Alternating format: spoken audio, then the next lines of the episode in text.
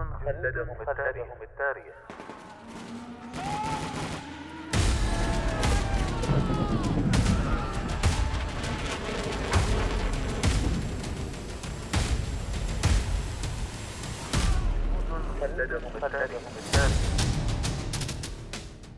كم يفخر التاريخ العسكري برجال كتبوا سيرهم في سجلاته بحروف من الجهد والتضحية والعطاء.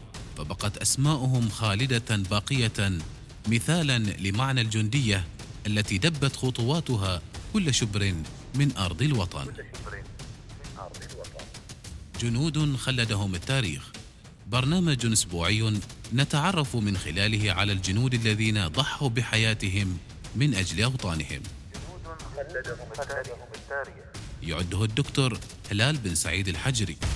ويقدمه المقدم الركن. محمد بن سعيد المشيخي.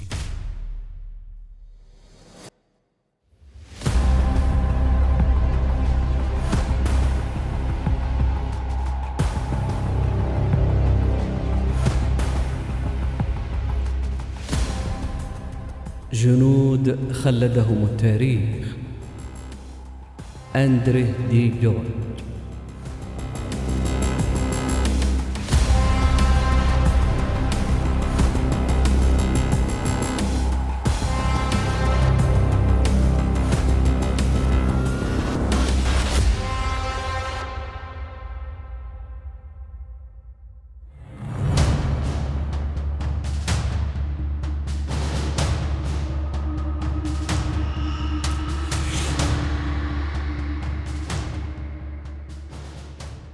في الحرب العالمية الثانية قبض على امرأة شابة جميلة متلبسة بالجريمة. وكانت جريمتها مساعدة طياري الحلفاء الذين أسقطوا على الهروب من أوروبا التي احتلها النازيون. كيف فلتت من العقاب؟ بالإعتراف.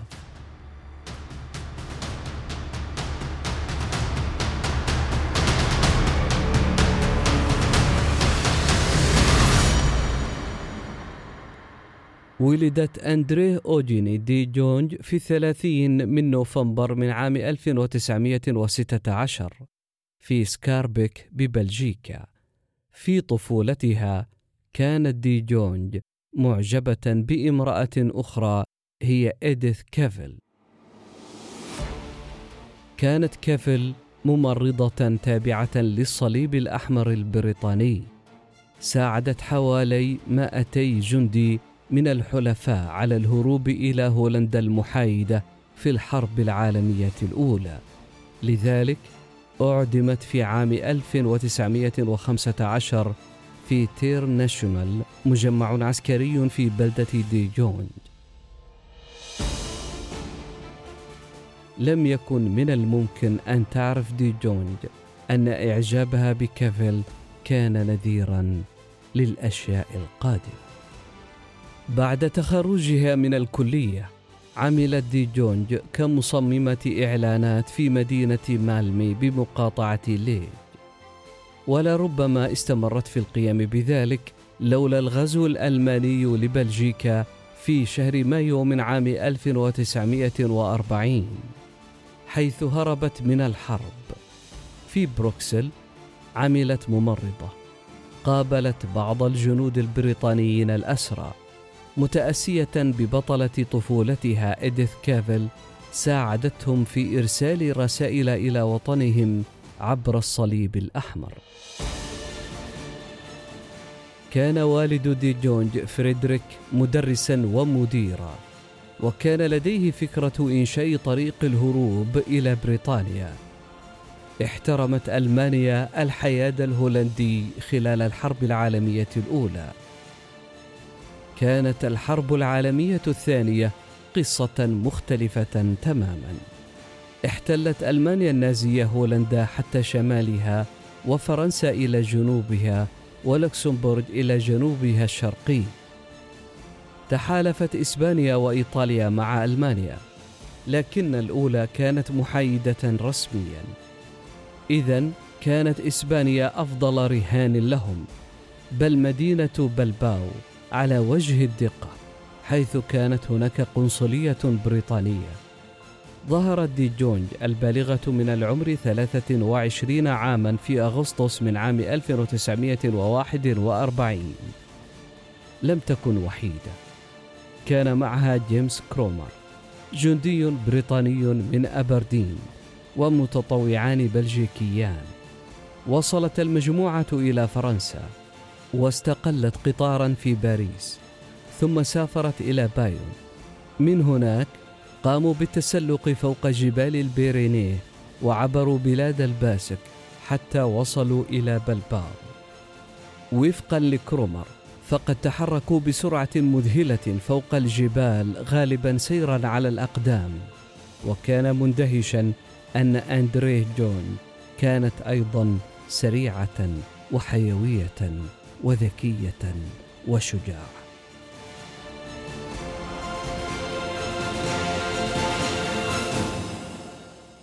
طلبت دي جونج المساعدة من البريطانيين مؤكدة لهم أنها بإمكانها أن تهرب المزيد من الجنود في غضون أسبوعين. دعمها بعضهم ولكن آخرين اشتبهوا بها في كونها جاسوسة نازية. في النهاية وافق البريطانيون على توفير التمويل والمستندات المزورة والمعدات والمواصلات وأي شيء آخر تحتاجه. ولكن كان هناك خداع. أرادوا السيطرة على العملية ووضعها تحت قيادة الرائد نورمان كروكت عضو في قسم المخابرات العسكرية البريطانية والملازم جيمس لانجلي. الذي فقد ذراعه أثناء الدفاع عن دونكيرك ولكن دي جونج رفضت ذلك.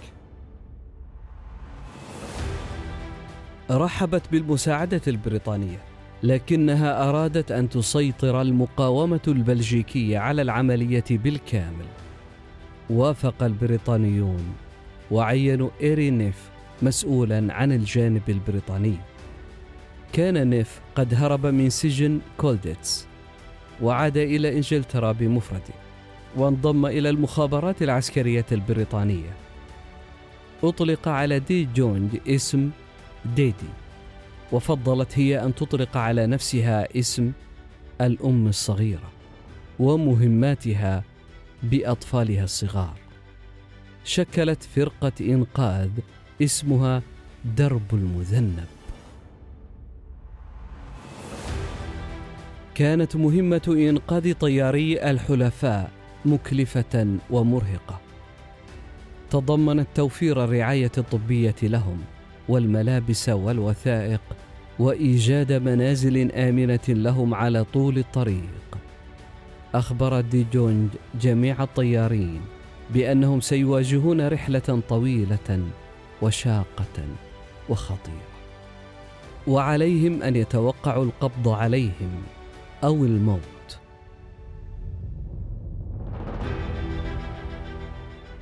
قبلوا مساعدتها رغم هذه التحديات. قال بوب فروست أحد أفراد طاقم القاذفة الذين ساعدتهم دي جونج إنهما عيناها. لقد كانت متقدتين جدا وكان هناك جو من الثقة المطلقة بها.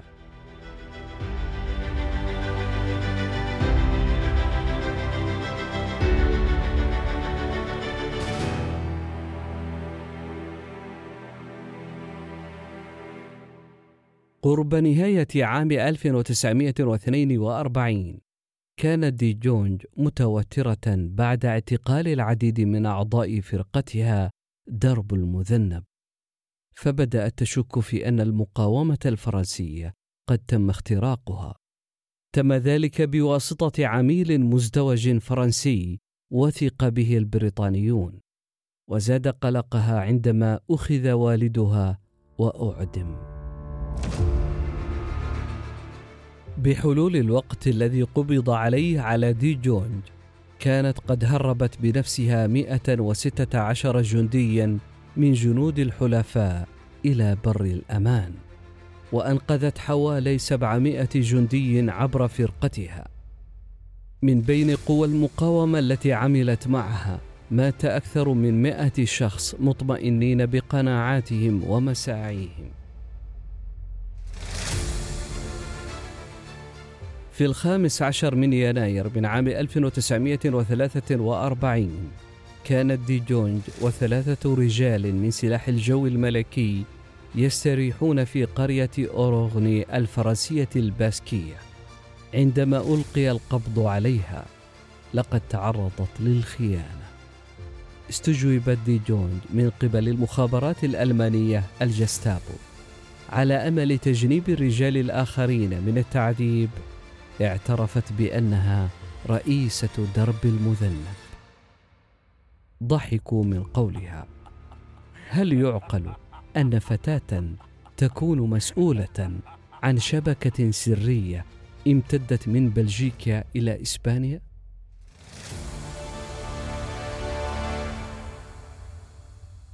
أرسلوها إلى معتقل ماتهاوزن وبعد ذلك إلى معتقل رافنسبروك.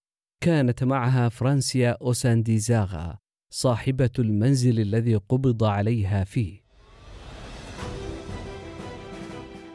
أطلق سراح دي جونج في نهاية الحرب، وحصلت على وسام جورج على جائزة مدنية يمكن أن تمنحها بريطانيا لأجنبي. كما منحها سلاح الجو الملكي البريطاني ساعة تذكارية كبيرة. أعطاها الأمريكيون وسام الحرية بينما منحها الفرنسيون رتبة فارس من جوقة الشرف. وقد أكرمها البلجيكيون أيضا لكنهم اتخذوا خطوة أخرى إلى الأمام. فقد عظمها الملك بودوان بجعلها كونتيسا وهكذا أصبحت دي جونج من الجنود. الذين خلدهم التاريخ.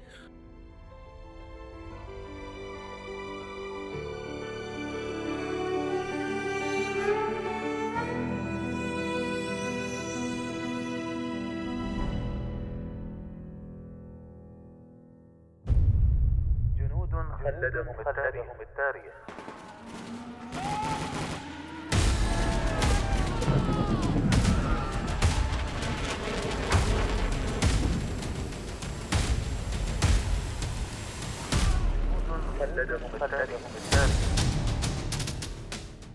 كم يفخر التاريخ العسكري برجال كتبوا سيرهم في سجلاته بحروف من الجهد والتضحية والعطاء فبقت أسماؤهم خالدة باقية مثالا لمعنى الجندية التي دبت خطواتها كل شبر من أرض الوطن. جنود خلدهم التاريخ. برنامج أسبوعي نتعرف من خلاله على الجنود الذين ضحوا بحياتهم من أجل أوطانهم. يعده الدكتور هلال بن سعيد الحجري. ويقدمه المقدم الركن محمد بن سعيد المشيخي.